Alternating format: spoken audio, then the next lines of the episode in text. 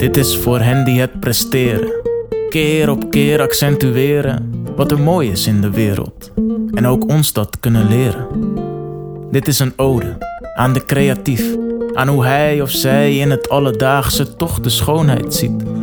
Hoe is het mogelijk dat iets opeens ontstaan kan uit het niets? En wat is het geheim daarvan? Of is dat er eigenlijk niet? Zet je headphones op, leun naar achter en geniet. Welkom bij Monkey Talk. Dit is Irene Kool.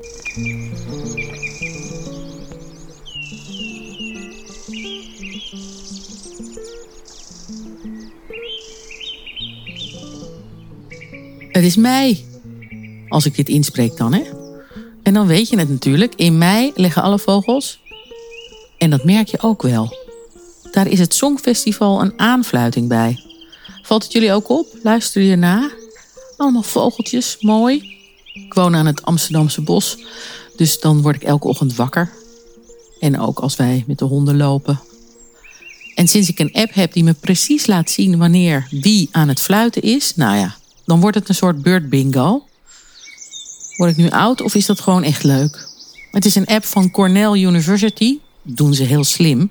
Over de hele wereld lopen mensen gewoon hun onderzoek te doen. Of in ieder geval data te vergaren. Zodat zij goed kunnen kijken wie waar aan het fluiten is. En welke vogels waar zijn.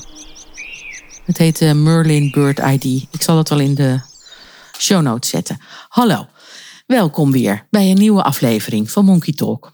Ben je nieuw? Nou, dan helemaal welkom natuurlijk bij deze ode aan de creativiteit. En dan toegepaste creativiteit. Wiki de Viking. Oplossingsverslaafd zijn. Stokstaartje nieuwsgierig. Altijd maar denken, hoe kan het beter, vrolijker, handiger, effectiever? Over dat soort creativiteit hebben we het. En dat soort creativiteit leeft echt in jou. Dus daarom doe ik daar die oproep toe. Want die moet je namelijk heel erg gaan inzetten. En als je dat goed overal weet in te zetten, dan help je de wereld bij deze transitie en maak je het leven leuker, zinvoller. Ook die van jouzelf. En is je creativiteit nou na dit luisteren een beetje geprikkeld en denk je, ja, ik begrijp dit, wakker geschud en merk je bij jezelf, dit heeft zin, ik heb hier meer van nodig, luister dan door. Genoeg afleveringen. En je helpt me enorm als je Monkey Talk meteen doorkwekt naar al je collega's, vrienden, familie, kennissen. In de rij bij de Lidl. En natuurlijk aan je buurman Cor. En wat ook belangrijk is, dat je eventjes een vlammende recensie schrijft. Nou, er zijn inmiddels al honderdduizend keer beluisterd, dus het gaat hartstikke goed, maar hè, we hebben nog miljoenen te gaan.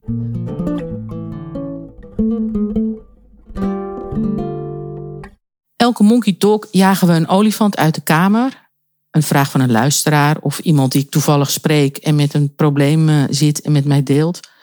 En daar hoop ik dan een dikke tip aan te geven.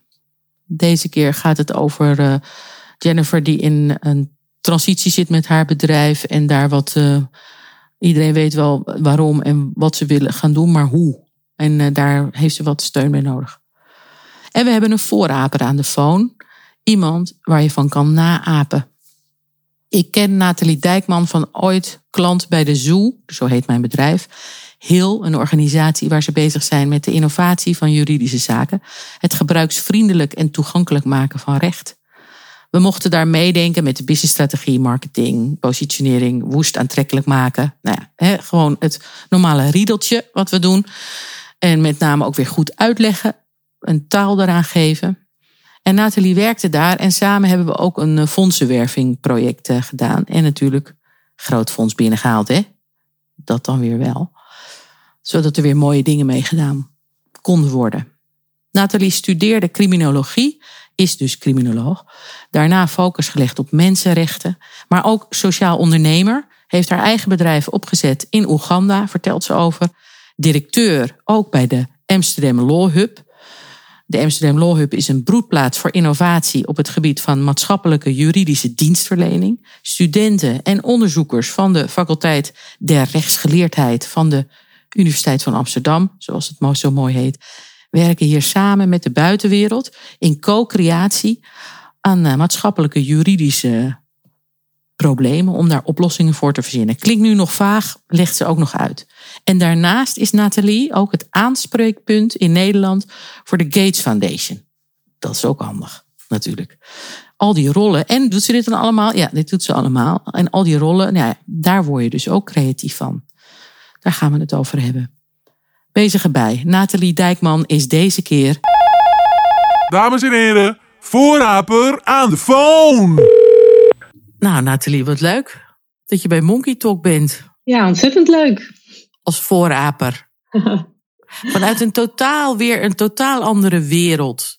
De wereld van recht, van mensenrechten, van uh, vernieuwen van justitie, wetten. Nou, dat is eigenlijk hartstikke actueel natuurlijk nu. Ja, en dat doe je al een tijdje. Ja, ja, het is heel interessant hoor. Maar veel mensen denken soms ook van waar ben jij mee bezig? dat het zo'n uh, gekke ja, combinatie is misschien wel.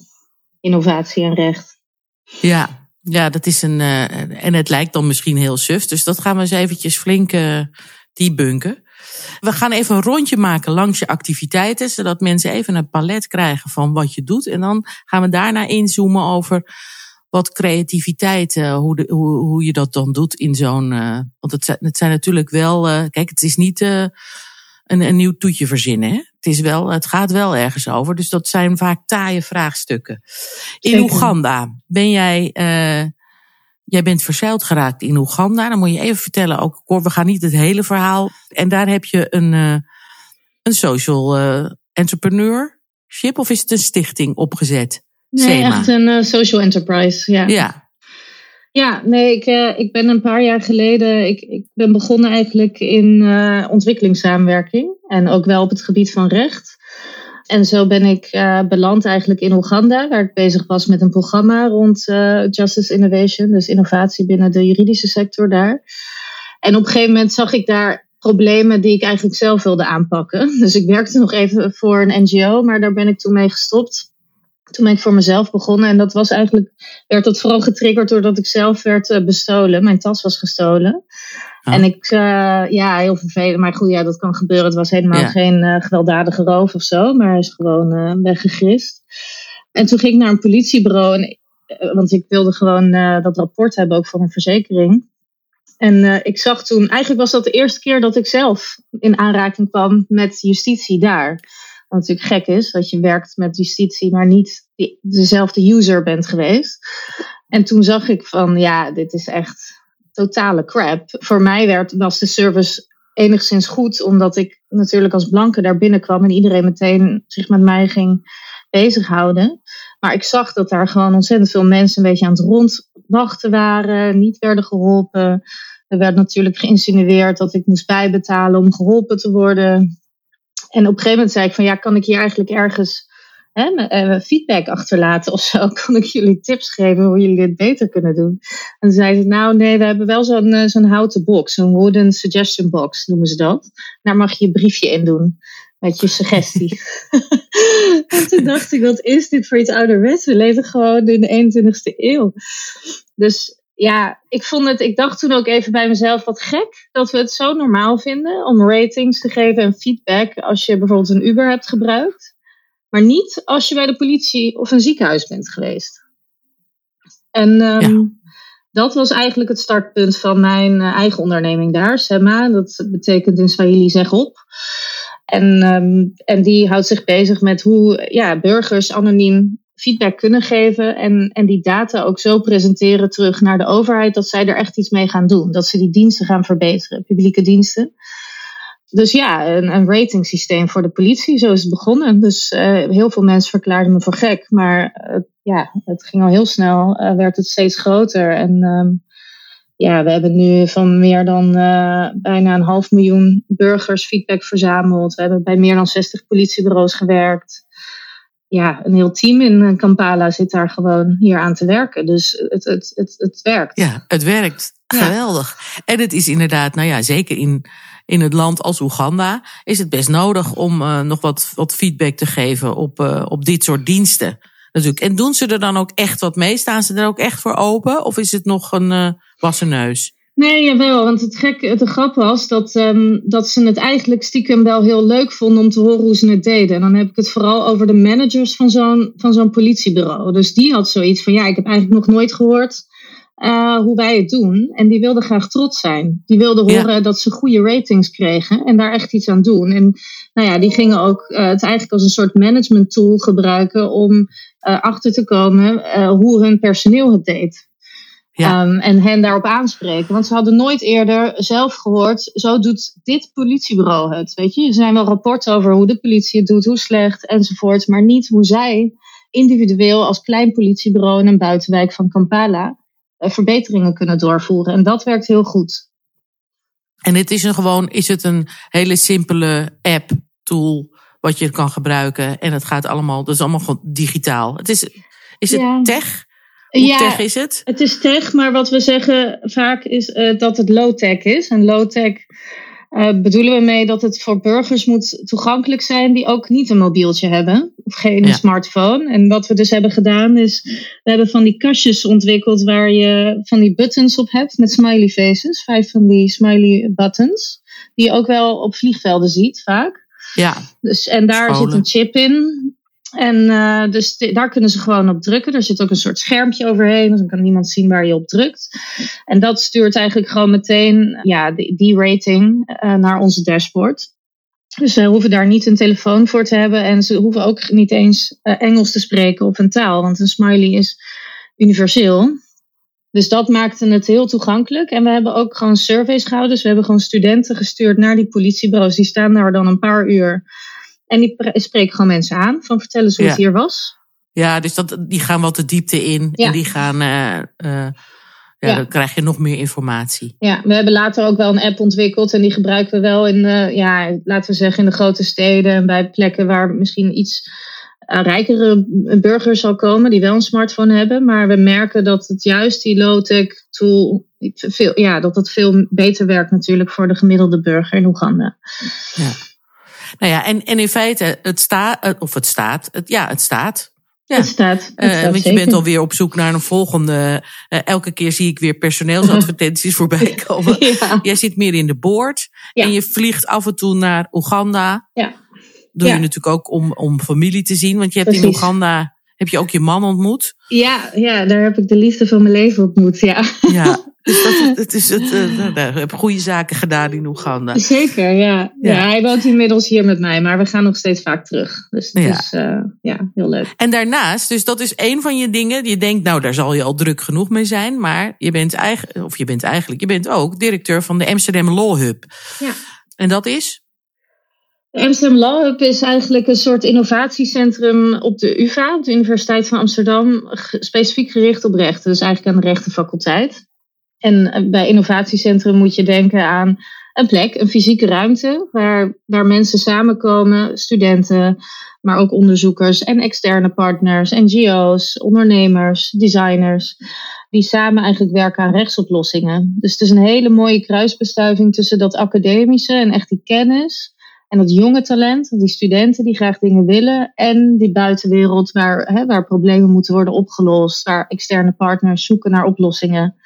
Dus dat, uh, dat ja, in een notendop is dat uh, waar, we zijn, waar we voor zijn. En we hebben dan binnen die lab allemaal programma's. Maar er zitten ook huurders. Hè, er zitten gewoon mensen te werken. Uh, een soort van B Amsterdam voor, voor juridische inno innovatie.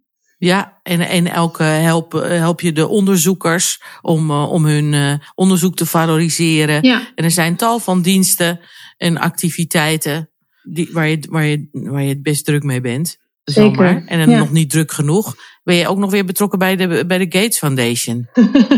ja, dat doe ik nog even erbij, een dagje per week. Dus uh, ik ben inderdaad ook consultant voor de Gates Foundation. Ik wilde nog niet helemaal die internationale wereld loslaten. Ik vind het leuk om met hele verschillende dingen bezig te zijn in mijn werkweek. En um, ja, een hele grote filantroop op het gebied van ontwikkelingssamenwerking. Dus super interessant om te leren hoe zij uh, investeren hoe zij samenwerken met een land als Nederland. Want ik werk dan vooral, ik ben eigenlijk degene die in Nederland hen vertegenwoordigt uh, en contacten onderhoudt. Dus als ze hierheen komen, dan uh, zorg ik dat er meetings worden opgezet.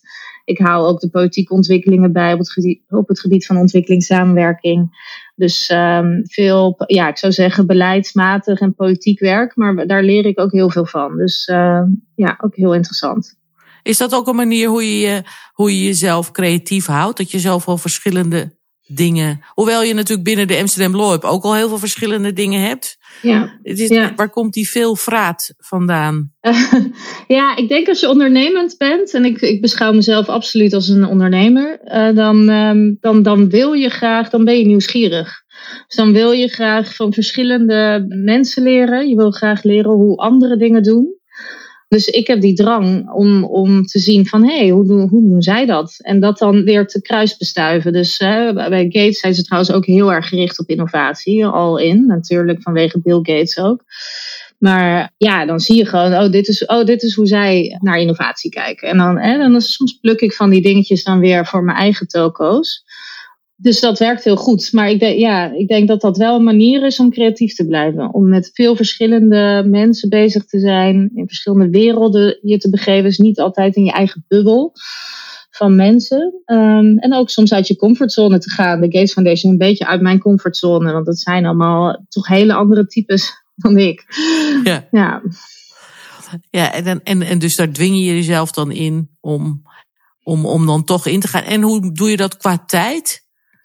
Ben je, ben je een hele goede planner? Of is, of is dat. Oh, je schiet meteen al in de lach. ik denk dat tijdsmanagement niet mijn beste, mijn beste de skill is. Maar goed, dat komt omdat. Ik vind het ook heel leuk. Dus ik besteed, ik, ik besteed gemiddeld toch echt wel, nou ja, 50 uur per week zeker aan werk.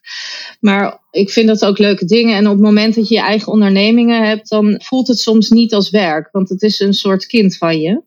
Ja. Dus dan ga je er automatisch, uh, ben je er ook mee bezig als je s'avonds zit te eten. Of uh, bijvoorbeeld met je partner gesprekken, ga je het ook sneller opbrengen. Van ik zit hier, hoe kijk jij naar? Dus ik denk dat, ja, dat je. Maar plannen is wel belangrijk als je verschillende werkgevers hebt of verschillende uh, klanten. Want dan moet je gewoon, hè, je, moet, je moet gewoon heel goed de dienst verlenen die je wil verlenen. En dat eh, kwalitatief goed doen en, op die, en met deadlines. Dus in die zin ben ik ook wel goed in plannen inderdaad. Anders was het denk ik een beetje een zooitje geworden. Ja. Met al die dingetjes. Maar um, ja.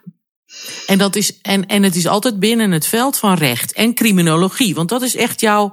Toch daar ben jij... Daar ben ik mee begonnen, ja. Ben je ooit mee begonnen? Ja. Je bent eigenlijk criminoloog. Ik ben criminoloog, ja. Ja, ik ben ooit criminologie gaan studeren omdat het dus interdisciplinair is. Het is ik vond het recht heel interessant, maar ik dacht, ja, ik wil het eigenlijk benaderen vanuit verschillende oogpunten. En de rechtenopleiding ja, is toch wel een beetje, was toen ouderwets, is het nu nog steeds tot op zekere hoogte. Maar dan kijk je dus echt, nou ja, privaatrecht en dan familierecht en dan publiekrecht. En dat vond ik allemaal te veel van hetzelfde.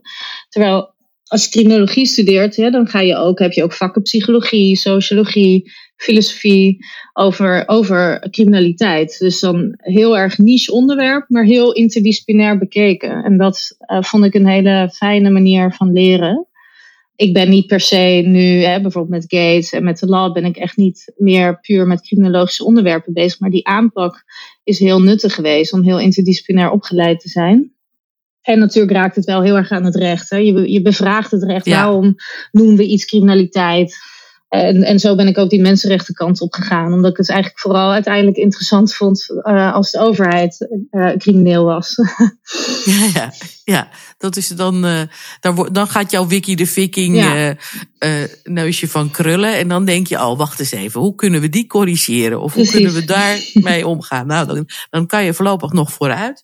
En het, en het is interdisciplinair. Dat is wel een beetje een soort leidmotief, interdisciplinair. Dat het de hele tijd van verschillende dingen ja. wat is. Ja, ja, en ik denk dat dat heel belangrijk is, juist in de juridische sector. Want de juridische sector is echt een niche sector. Er zitten allemaal juristen die allemaal echt vergelijkbaar zijn opgeleid, vergelijkbaar denken. Heel erg op de lettertjes, op, uh, op het specialisme binnen het recht. En ik denk dat om binnen het recht te kunnen innoveren, moet je interdisciplinair denken of, uh, of andere, gewoon andere disciplines betrekken. Hè? Dus een designer die helemaal nooit iets met recht heeft gedaan, er eens een keer naar kijkt. Want anders stel je niet de goede vragen. Nee. Dus ja, ik denk wel dat dat de crux is. En creativiteit past daar binnen natuurlijk ook. Hoe ga jij daarmee om? Ja, ik ehm, bedoel je hoe ik het trigger of hoe ik er. Ja, en, hoe, en, en ook hoe, hoe. Want beschouw je jezelf ook als creatief? Ja, zeker. Maar dat doe ik ook wel in mijn vrije tijd. Dus ik ben ook met fotografie bezig en met schrijven en lezen. Dus ja. dus dat is de, de kunstige kant van creativiteit. En, en de toegepaste vorm, daar leef je, nou ja, daar kun je natuurlijk helemaal los in gaan in jouw vakgebied. ja. ja, omdat het echt nodig is, denk ik. En omdat er dus eigenlijk ook wel een beetje tekort is aan creatieven. Ik denk soms wel eens van ja, als je creatief bent en je werkt in een creatieve sector, voelt het volgens mij wel iets meer competitief. Want dan komt er weer iemand anders met. Ik weet niet hoe jij dat ervaart, maar uh, ja. in mijn sector ben ik vaak wel een van de leukere mensen. Only the lonely, zei zij het niet. En, en, maar, maar wordt er ook niet een beetje op nee, niet op neergekeken, maar een beetje anders naar gekeken van ja, klopt het dan wel of zo? Of het ja, dan... zeker. Er is heel veel sceptisme en heel veel ook van het gaat toch niet veranderen. Of wie ben jij met je kleine initiatiefje om het systeem te veranderen? Want ja, juridische sector, ja, dat hangt gewoon heel erg samen met het systeem. de overheid, wetten die er zijn.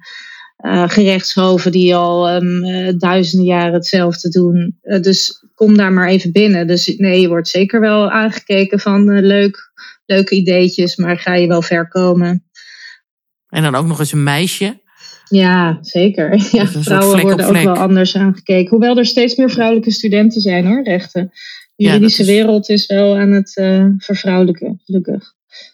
Maar daar gedij jij goed in als je een beetje weerstand daarop krijgt. Ja, ik vind het leuk om uit te dagen om te zeggen: oké, nou, uh, watch me. Ja. En dan ga ik het eventjes laten zien hoe het is. Want je moet nu eenmaal klein beginnen.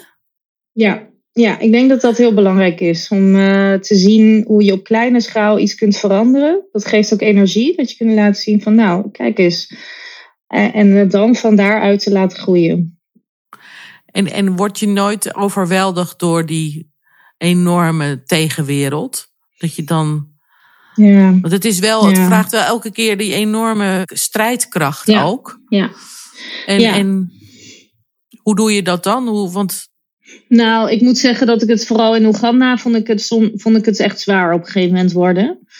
Ik heb er daarom zelf ook een beetje afstand van genomen. Ik denk ook, het was ook goed om het weer aan een, aan een lokale uh, leider te overhandigen. Maar ja, je merkt gewoon dat je toch een beetje tegen de bierkaai op aan het vechten bent. En, en als er dan ook corruptie bij komt kijken en toch um, ja, systemisch te weinig verandert of op termijn, dan, dan kan je wel ontmoedigd worden. Terwijl, ja, het is ook wel echt heel belangrijk dat, dat, dat wij er zijn. Dat er, dat er creatievelingen zijn, ondernemers die steeds maar blijven proberen en laten zien: hé, hey, kijk eens op dit kleine voorbeeld. Hè, dus ik kan bijvoorbeeld een voorbeeld geven. Er zijn zeker een aantal hele interessante uh, start-ups, juridische innovaties in Nederland, die echt dingen anders hebben gedaan. Abjection is er eentje. Die, dat is een website waarbij je boete, je verkeersboete kunt uploaden. En dan met een AI-tool kunnen ze dan gelijk zien van nou, wij kunnen voor jou een beroep gaan. Hoef je verder niks te doen. Of hè, je kans op beroep is echt heel klein. Als jij denkt, ik heb een onterechte verkeersboete gehad, dan gaan zij het voor jou doen. En dat hebben ze helemaal geautomatiseerd.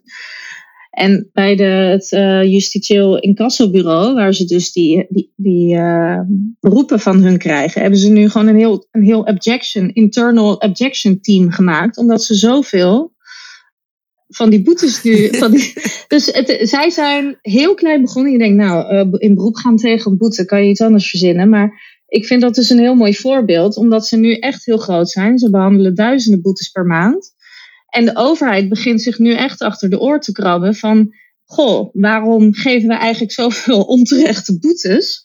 En eh, dit kost ons heel veel geld. Uh, we moeten mensen aannemen om al deze beroepen te behandelen. Misschien moeten we dit een keer anders gaan. Weet je wel? Dus zo ja, Misschien moeten die onterechte boetes eens ophouden. Precies. En, uh, ja. en ja, want dat komt door van die automatische autootjes die rondrijden en je meteen een boete geven. Ook als je nog eigenlijk nog vijf minuten had om naar de automaat te lopen en te betalen voor je parkeerplaats. Dus uh, ja, weet je, de, de overheid innoveert, maar we moeten, te, we moeten tegengewicht geven om uh, ja, nog steeds in een rechtvaardige wereld te leven. En daar heb je echt innovatie voor nodig. En die jongens die Objection hebben opgericht, die zijn het gelijk naar de universiteit gaan doen. En ik vind het zo knap, want ze zijn nu gewoon echt heel groot geworden. Maar ik weet dat het heel zwaar was. En dat het, ja, er zullen ongetwijfeld momenten zijn geweest waarop ze dachten, hm, gaan we hier nog wel mee door. Maar ze hebben dat echt fantastisch gedaan. En zij werken nu aan systematische veranderingen. Ja, dat is geweldig, hè? Dat je dan, uh, en dat, dat doorzettingsvermogen, dat, is, dat hoort er natuurlijk eenmaal bij. Maar ik kan me wel voorstellen, in, in, ik, ben natuurlijk, ik ben ook meer bezig met maatschappelijke innovatie. En ik merk ook wel inderdaad, het is een stuk taaier dan uh, zeg maar een toetje verzinnen. Zeker, ja. ja. Ja. En hoe zorg je dan voor je eigen creativiteit? Om, om, om daar toch, want je kan daar anders uh, flink humeurig van worden. Je moet ten eerste volgens mij een heel leuk team hebben. Heel Zorgen leuk dat je Hang, hang out with weird people, zei uh, Tom Peters. Ja, dat maar dat is echt een van de dingen. Dat zou eigenlijk het eerste zijn wat ik zou zeggen. Zo, omring jezelf met mensen die hè, van nature creatief zijn, positief, uh, waarnemend, hè, die dingen zien. En ondernemend vind ik ook altijd heel leuk. Ja, daar haal ik zeker mijn energie uit. En dat vind ik zo belangrijk. Het team wat ik heb in de lab is echt geweldig. En het zijn allemaal mensen die ik zelf heb aangenomen, maar die, ja, die gewoon helemaal bij mij passen, mij aanvullen. En, en, en waar, waar ik soms ook even tegen kan klagen: van Jezus, uh, zijn we weer eens tegen een uh, bureaucratische barrier opgelopen. Wat, wat vinden jullie? En dan kunnen we het daar gewoon even over hebben. Dat is gewoon ja, heel het, fijn. Is een, het is een leuk klein Gallisch dorp. Ja. Dat heb je heel leuk. Ja, dat is echt. Uh, en, en, en, en in feite is dat inderdaad een goede oplaadplek. Ja. Ja, ja. ja, heb ik heel erg nodig. Niet iedereen, maar ik vind dat heel belangrijk om met uh, fijne mensen samen te werken. En uh, ja. Ja. Dus omring jezelf met, uh, en het hoeft niet altijd in je werk te zijn, dat kan ook privé zijn. Of hè, dat je ook af en toe eens ergens heen gaat of met mensen ja. die gewoon net even ietsjes andere dingen doen. Of ook leuke verhalen hebben. Dat je niet samen gaat zitten klagen, maar juist dat er iemand is die weer iets inspirerends heeft. Ja. Dus oké, okay, leuke mensen. Uh, wat zou nog meer, uh, wat, wat helpt jou nog meer? Nou, ik denk afkijken van anderen. Dus um, het is natuurlijk ook het hele idee natuurlijk van een, een vooraper of een naaper zijn. Maar als je, zeker als je in de publieke sector werkt, vind ik het altijd wel interessant om even te kijken, hey, hoe doen ze dat eigenlijk in de private sector of, of in een ander land? Want de dingen die wij, ja, we nemen het een beetje voor lief, hè, waar, waar we nu in zitten. En het, het ik denk soms wel eens van ja, volgens mij kunnen we heel goed stelen van elkaar um, en concepten zo overdragen. Dus het hele idee van Semma was dus wat ik al zei, ook wel heel erg van, goh, wat gek dat ze dat dus in de privaatsector is raten, heel normaal. He, is feedback geven heel normaal. En in de publieke sector eigenlijk niet zo. Dat begint hier in het Westen wel meer op te komen, maar nou ja, sowieso in ontwikkelingslanden nog niet. En zo zijn er wel meer dingen. Je ziet soms dingen in andere landen of in andere culturen of in andere sectoren. En uh, ja, dus ik denk op die manier nieuwsgierig zijn en soms denken van, goh, zou dit werken bij ons? Ja, kijken wat er, kijken wat er ergens anders gebeurt en wat nou als we het eens op zo'n manier zouden, wat nou als we eens booking.com zouden zijn? Ja. Of wat nou, ja. ja. ja. Leuk, was er ook niet iets met, met uh, ik weet niet, dat weet je, dat er met een mobiele telefoon, met tech, is er natuurlijk ook heel veel gekomen. Dat er ook in Afrika zo'n uh, initiatief was dat ze dan, uh, als ze dan aangehouden werden, uh, iemand, dan word je vaak, krijg je dan een boete. En het is vaak ook wel een beetje een hoge boete, want de politieman kan ongeveer zijn eigen boete bepalen. Mm -hmm. en dat, die dan, dat iemand dan, dat je dan kon opzoeken, een app, of dat wel of niet of terecht was. Ja. En dat hij daardoor eigenlijk ook gecorrigeerd werd. Ja, ja, er bestaan heel veel van dat soort uh, initiatieven. Ik heb natuurlijk een Eigenlijk is dat burgerjustitie of zo. Ja, nou ja, inderdaad. Ik noem het dus, daarom is, zit het echt wel op het snijvlak van mensenrechten, denk ik, en innovatie. Want je bent echt bezig met hoe kunnen wij weer eventjes wat tegenwicht geven tegen de overheid. En, en weer staan voor onze rechten.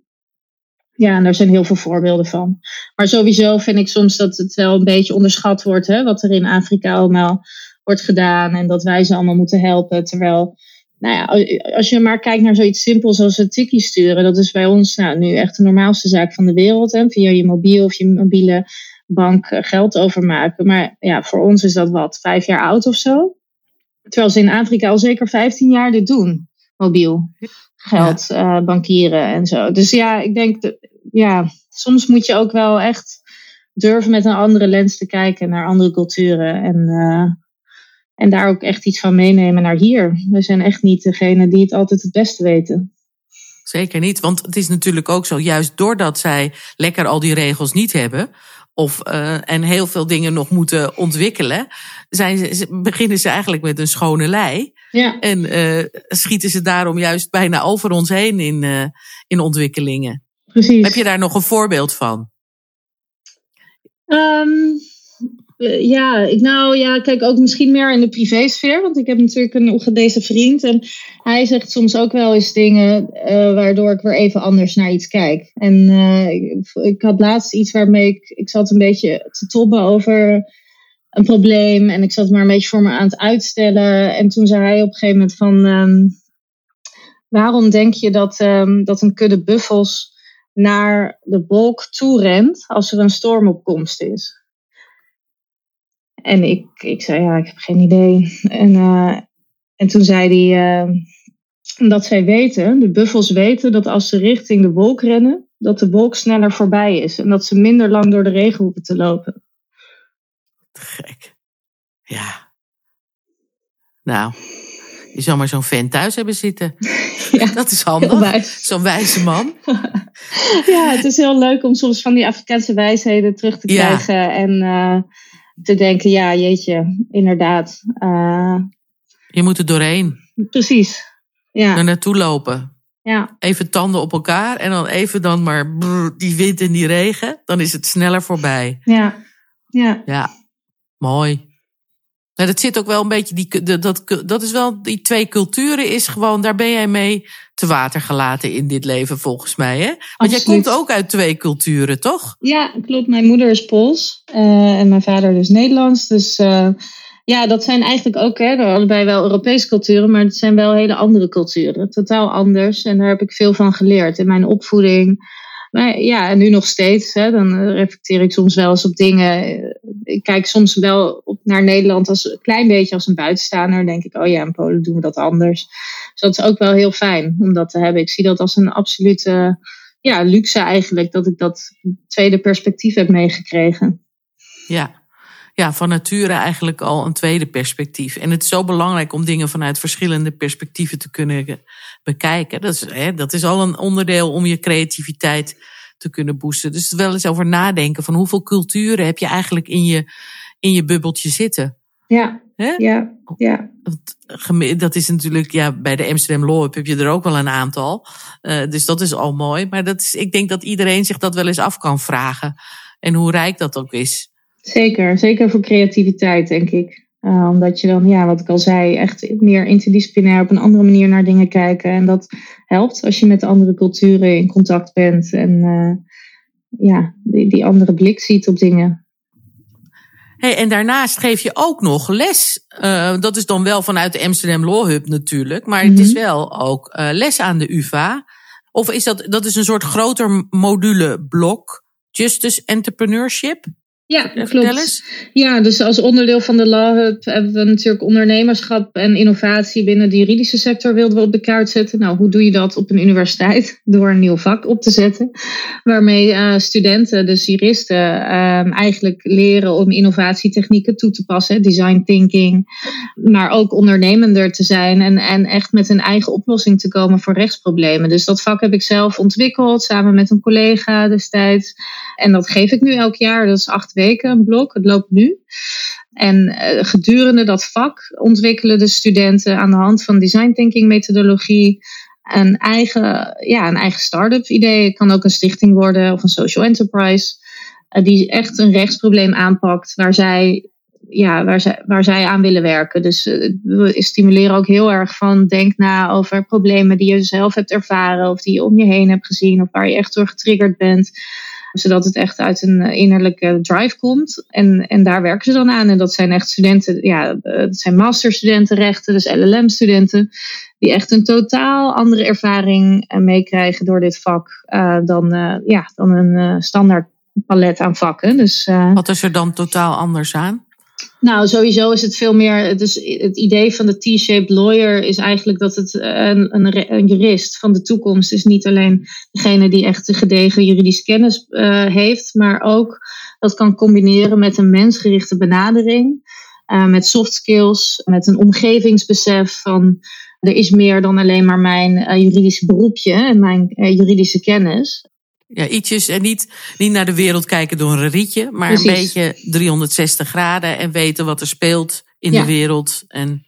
Ja, en echt het aanpakken van die complexe maatschappelijke vraagstukken van, van deze eeuw. Dus uh, dat, kun je dat doen als jurist. En ik denk van wel. En dat is precies wat we in dit vak proberen mee te geven. Dus het is veel meer gericht op soft skills, veel meer op ja, eh, onderzoeken van een probleem. Je, je verbinden aan een gebruiker. Dus het user-centered proces van ja, leef je eens een keer in in iemand die dit probleem ervaart of die door een scheiding heen gaat. Eh, hoe kun je vanuit dat perspectief dat probleem oplossen? En juist helemaal losgezien van alleen maar dat, hè, de, de regeltjes en de wetten. Maar het systeem eromheen. Dus dat is, dat is denk ik heel interessant. Daar komen hele leuke dingen uit. En dan komen ze met, komen ze met hele gave ideeën voor concepten, misschien wel voor start-ups of, of oplossingen voor problemen. En, en, en daarna gaat dat een la in, of gaan ze het ook soms doen? Nee, ze gaan het ook doen. Dus we hebben dan aan het eind van het vak eh, kunnen ze ook pitchen. Dan moeten ze zelfs pitchen, ook voor een cijfer. Maar ze hebben dan ook een publieke pitch. Dus uh, dat is een pitch die ze doen voor mogelijke investeerders en partners die van buiten de universiteit komen. Die zitten ook in de jury en in de zaal. En als ze die, ja, een aantal mensen krijgen dan misschien een eerste investering of een kleine seed fund om, om verder te gaan. En nou ja, ik zou zeggen dat ongeveer de helft van de studenten gaat echt door met een idee. Dus um, bijvoorbeeld als voorbeeld kan ik geven Legal Crowd. Dat is een platform voor crowdfunding voor juridische zaken. Hè? Dus zij zijn, dat zijn twee studenten uit mijn vak die nu um, echt daar nog best groot mee zijn geworden. Daar nog steeds mee bezig zijn. Twee jaar geleden zijn begonnen. Via dat platform kunnen mensen zaken waar ze, waar ze zich als community, bijvoorbeeld als straat, als wijk of als gemeenschap, zich zorgen om maken. Maar die niet zomaar weten van kunnen we hier een rechtszaak over beginnen of niet kunnen daar geld op halen. Die worden dan ook verbonden aan een advocaat om uh, die zaak te gaan voeren en hun recht te krijgen. Dus dat is heel mooi. Daar zijn al een aantal hele interessante zaken uitgekomen. Dus ik vind het heel knap hoe zij dat hebben opgezet en dat nog steeds, ja, twee jaar later zijn ze er nog steeds mee bezig. Ja, ja. Ja, dat is een goed leuk is dat om te zien. Dus dan krijg je weer een hele andere vorm van uh, advocatuur eigenlijk. Ja. En je vernieuwt ook daarmee weer het onderwijs. Want dit zijn eigenlijk, je ziet dat veel hè, in onderwijs, of dit gaat nu over rechten, maar ik kan me voorstellen dat er tal van onderwijsrichtingen zijn. Die, uh, wij doen het, de Design Academy ook op die manier, hè, met, met design thinking en dan het naar de markt uh, brengen. Gewoon eens om dat te ervaren hoe dat is, ook voor studenten. Dat ondernemerschap. Ja, ja, dat is heel mooi en heel inspirerend om te zien. Je ziet echt dat sommige studenten zoiets hebben van: hé, hey, ik, heb, ik heb ineens het vertrouwen dat ik zelf iets kan beginnen. Dat, dat hadden ze daarvoor niet. Dus dat is ook heel leuk om die curve te zien van, uh, die heb ik zelf ook doorgemaakt. Dat je op een gegeven moment denkt, hé, hey, ik, ik kan ook zelf iets beginnen. Weet je wel? Dat is toch gewoon een moment wat je moet ervaren van dat je niet alleen maar hè, voor bedrijven werkt, voor anderen. Maar dat je ineens bedenkt van, goh, ik, ik kan dit. Ik kan iets zelf doen en het gaat werken. Ja, en daar heb je. Ja, het is leuk als je dan alvast wat uh, geoefend hebt op zo'n. Uh, hè, dat je, om, wat, om, wat, uh, om een creatieve ruggengraat te bouwen, zeg maar. En om, om wat, ja, wat, wat lef ervoor te krijgen. Dat is mooi om te zien. Ja, ja, ja. Nou, wat een leuk verhaal dan ben je druk bezig. En nu is het direct helemaal binnenkort druk, want dan, dan, dan, komt er nog een kleintje bij ook. Zeker, ja. Dat is ook weer een heel ander project. Een de grootste productie ever. ja. ja. nou, dankjewel Nathalie. Voor je mooie verhaal. Jij ook heel erg bedankt. En voor de leuke samenwerking.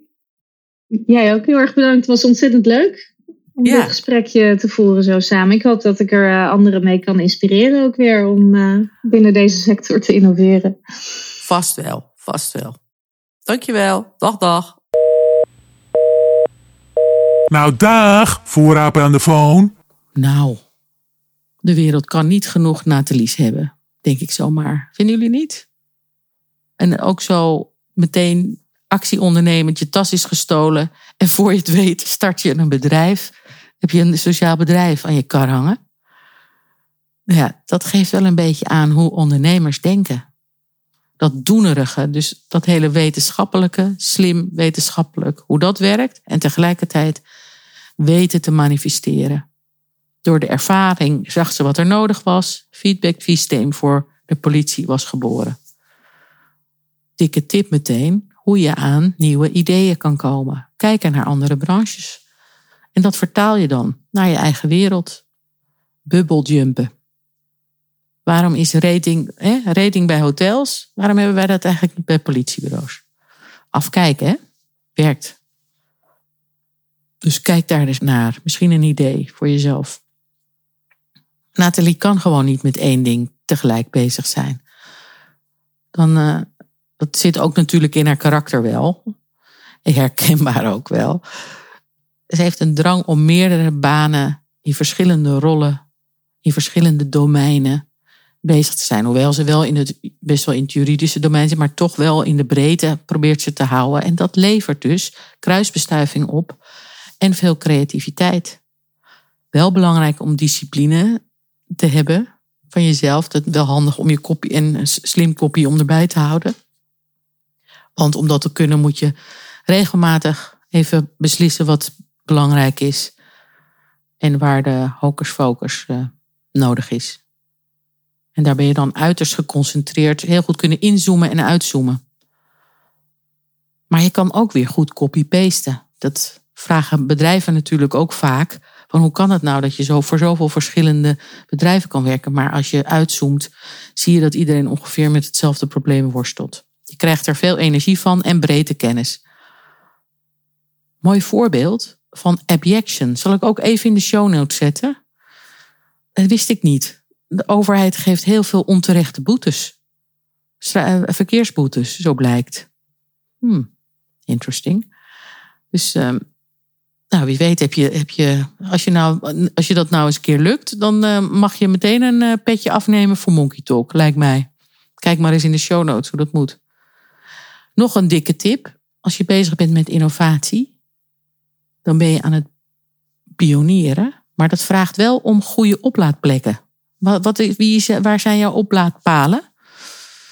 En uh, daar zei zij, omring jezelf met uh, leuke mensen. Ondernemend, actief, die ook een beetje die voorwaartse energie hebben. Dat komt trouwens ook weer terug in de olifant. Zo direct. Hang out with weird people, zei Tom Peters. Dat is zo'n uh, innovatiegoeroe. Durf met een andere lens te kijken naar andere culturen, Hoeveel culturen heb je in de bubbel zitten? En hoe kan je dat vergroten? Ook weer om die verschillende perspectieven te krijgen. Doe je natuurlijk ook met reizen, hoewel je dan misschien ook wel in een bepaalde bubbel zit. Het werk wat ik mag doen voor uh, Women on Wings in India, nou dat haalt me natuurlijk ook enorm uit mijn bubbel. Luister maar naar Monkey Talk uh, 50. Of als je even op, mee op reis wil, mijn reis naar de chimpansees en de gorilla's, de zilverrug naar Oeganda. Met het gesprek eh, van natuurgids Duncan eh, Matata. Monkey Talk 40. Goed om te horen dat ze haar kennis en ervaring ook weer doorgeeft. Door les te geven op de Universiteit van Amsterdam. Nog een rolletje erbij. En dan in feite is design thinking dan de rode draad. Toepassen op de juridische sector. Waarin je dus niet alleen inhoudelijk wordt getraind, maar ook de soft skills leert. Dus skills en vaardigheden. In feite is dat onze module wat we bij de Zoo doen, dat heet dan Monkey Do. De innovatietrajecten, waar je zowel en een nieuw product of dienst oplevert en je wordt getraind op dat hele design eh, thinking. En eh, in feite ken ik het van TU Delft, maar ook Design Academy, die gebruiken, deden we het daar ook. Dus dat is misschien een dikke tip voor opleiders of als je in een bedrijf zit met vernieuwing, dat je eens een keer zo'n hele module doet met design thinking als basis. Kan op universitair HBO, MBO, op alle niveaus prima te doen. Hartstikke leuk. Als je hierbij hulp kan gebruiken, stuur dan gerust een mail. Dan hoor ik het wel. hey, kijk, een olifant. Olifanten benoemen. De olifant in de kamer komt deze keer van Jennifer. Die stuurde me een mail en die zei: We zijn uh, met ons bedrijf aan het veranderen. Uh, we zitten in een heel groot verandertraject omdat we het beter willen doen en anders willen doen. We zitten in die theorie U al helemaal naar beneden toe. Goed analyse gedaan. Goed met elkaar ook. Weten we wat we willen doen en waarom we het willen doen. Alleen, uh, ja, de praktijk is weer barstig. En het hoe, dat gaat allemaal zo stroperig. En dan, je hebt dan wel in die sessies, heb je met elkaar allerlei dingen gedaan. Hè, de strategie geschreven. Dan blijft het allemaal nog een papieren tijger. En dan heb je het uitgesproken. Ook wel commitment naar elkaar. Dus iedereen, het hele MT en, de, en zeg maar de laag eronder. Het is een bedrijf van zo'n 250 man. Die, die, die willen het. Er is ook echt uh, met, met alle medewerkers al gesproken. Maar ja nu, ja, nu moeten we het ook gaan doen. En heb je daar nog een tip? We kunnen wel een hele groep mobiliseren die dan als een soort voorlopers gaan fungeren. Nou, Jennifer, ik heb een tip, want ik sprak uh, laatst uh, Martijn Engelbrecht. Die komt namelijk binnenkort in Monkey Talk. En ik had een voorgesprek met hem. En hij is een kunstenaar. Hoewel, als je tegen hem zegt, ben je een kunstenaar? Dan zegt hij nee, ik ben een social designer. En als je zegt, ben je een social designer? zegt hij nee, ik ben een kunstenaar. Kortom, dwarsligger, puur zang. Hartstikke leuk. En uh, origineel. En hij vertelde me iets wat meteen een tip is voor jou, Jennifer. Uh, want hij is deels ook artist in residence bij bedrijven. Nou, dat vond ik zo'n briljant idee. Het was een bedrijf, een organisatie, en die had hem. Uh, ja, hij is één dag in de week, is hij als een soort artist in residence. Is hij daar? En dan loopt hij gewoon op allerlei dingen mee en geeft hij commentaar.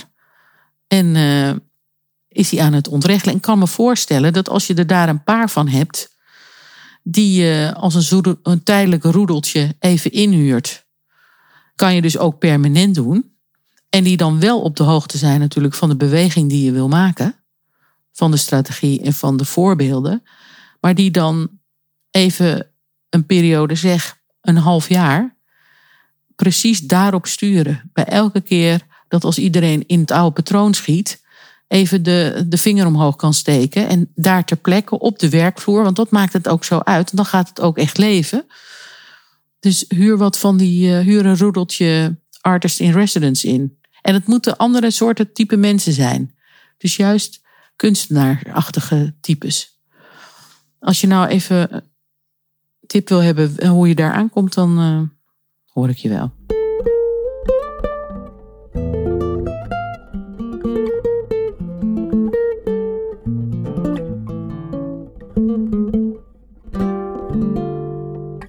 Zit er weer op. En je weet het, hè? Altijd naar de donderwolk toe rennen. Dat doen de buffels ook. Ook wel een mooie tip was dat, hè? De natuur kan ons zoveel leren. Oh ja, en opgelet. Zet het in je agenda. Volgende keer, ik verwacht zo eind mei een uh, volgende Monkey Talk met wel twee, zeg maar de zilverruggen onder de voorapers het is een beetje een traditie geworden. Want ik ben weer met Hanneke Groenteman bij Herman Wijfels op visite geweest. Nou ja, hij kwam uh, op een andere locatie. Bij, uh, bij Anne, onze oppasser van de zoo, mochten we het gesprek opnemen. Een mooi gesprek. In navolging van de twee eerdere Monkey Talks, nummer 13 en nummer 43. Eigenlijk ons jaargesprek. We horen waar, waar we staan in de transitie en wijze woorden. Dus uh, als je nou in je podcast-app meteen even op volgen drukt, dat je, dat je zeg maar je abonneert op Monkey Talk, dan krijg je automatisch die aflevering ook in je tijdlijn te zien en in je app. Dus dan, dan komt die vanzelf voorbij. Dat is helemaal handig. Dus uh, het is een mooi gesprek geworden. We moeten hem nog monteren en helemaal verwerken, maar dat komt voor elkaar en het is gelukt. Dank voor het luisteren. Dank voor het doorkwekken van Monkey Talk. En wil je dat vooral blijven doen? Neem een petje af Kijk maar in de show notes hoe dat kan. Daarmee treed je toe tot het uh, Monkey Talk gilde. Nou, wil je misschien best bijhoren.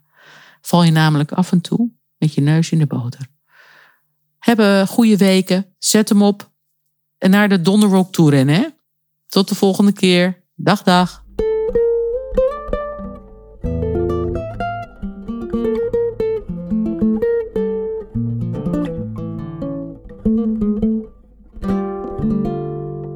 En?